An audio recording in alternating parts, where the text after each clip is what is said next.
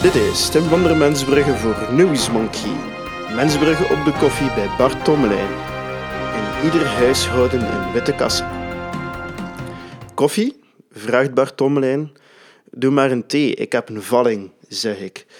De handen van de staatssecretaris voor bestrijding van sociale fraude trillen als hij mijn kopje vult. Ik ben onaangekondigd komen aanbellen bij zijn privéwoning. De fraudeinspectie heet je goeiemorgen, meldde ik toen ik binnenkwam marcheren. Ik pleeg al geen fraude meer sinds ik van de privé ben overgestapt naar de politiek, protesteerde Trommelijn nog. Ik had een mooie carrière in het bankwezen, maar sinds 1999 zet ik me in voor het algemeen belang. Ik ben de Kennedy van Oostende, maar ik ben geen schoemelaar.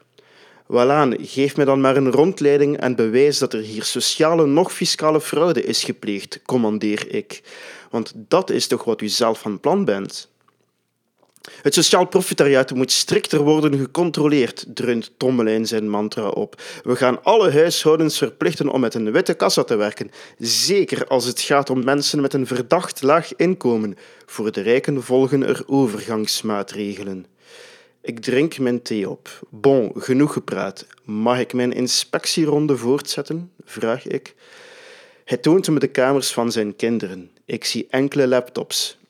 Die zijn toch niet gekocht op kosten van uw kabinet? interpelleer ik de staatssecretaris, die rood aanloopt. Uh, nee, dat zal wel niet zeker, zegt hij. Ja, wadde, dat ziet er hier chic uit, fluit ik wanneer Tommelijn me binnenleidt in zijn slaapkamer. Ik inspecteer de nachtkastjes.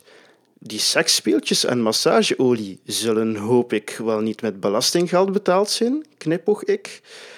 Tommelijn giechelt als een boerin met nierstenen. Boven ons hoor ik gestommel. Aha, een dakwerker, vraag ik. De staatssecretaris haalt zijn schouders op en trekt een gezicht alsof hij van toeten nog blazen weet, een expressie waarin hij door dagelijkse oefening zeer bedreven is. Ik volg hem naar buiten. Er lijken mij hier geen aanwijzingen van sociale of fiscale fraude aanwezig te zijn, stel ik vast, behalve dan dat Oost-Europese figuur op uw dak. Er parelt zweet op Tomlijns voorhoofd. Ja, maar nee, dat is allemaal, uh, stamelt hij. Hela vuile roep ik, want de man op het dak is nu eenmaal pottenzwart.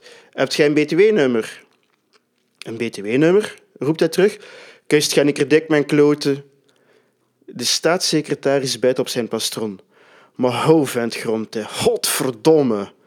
Tja, zeg ik, om vervolgens de stilte zo pijnlijk mogelijk te laten vallen. De dakwerker arbeidt voort. Tomlin kucht. Eh, zegt hij. Hij graait in zijn broekzak en haalt zijn portefeuille boven.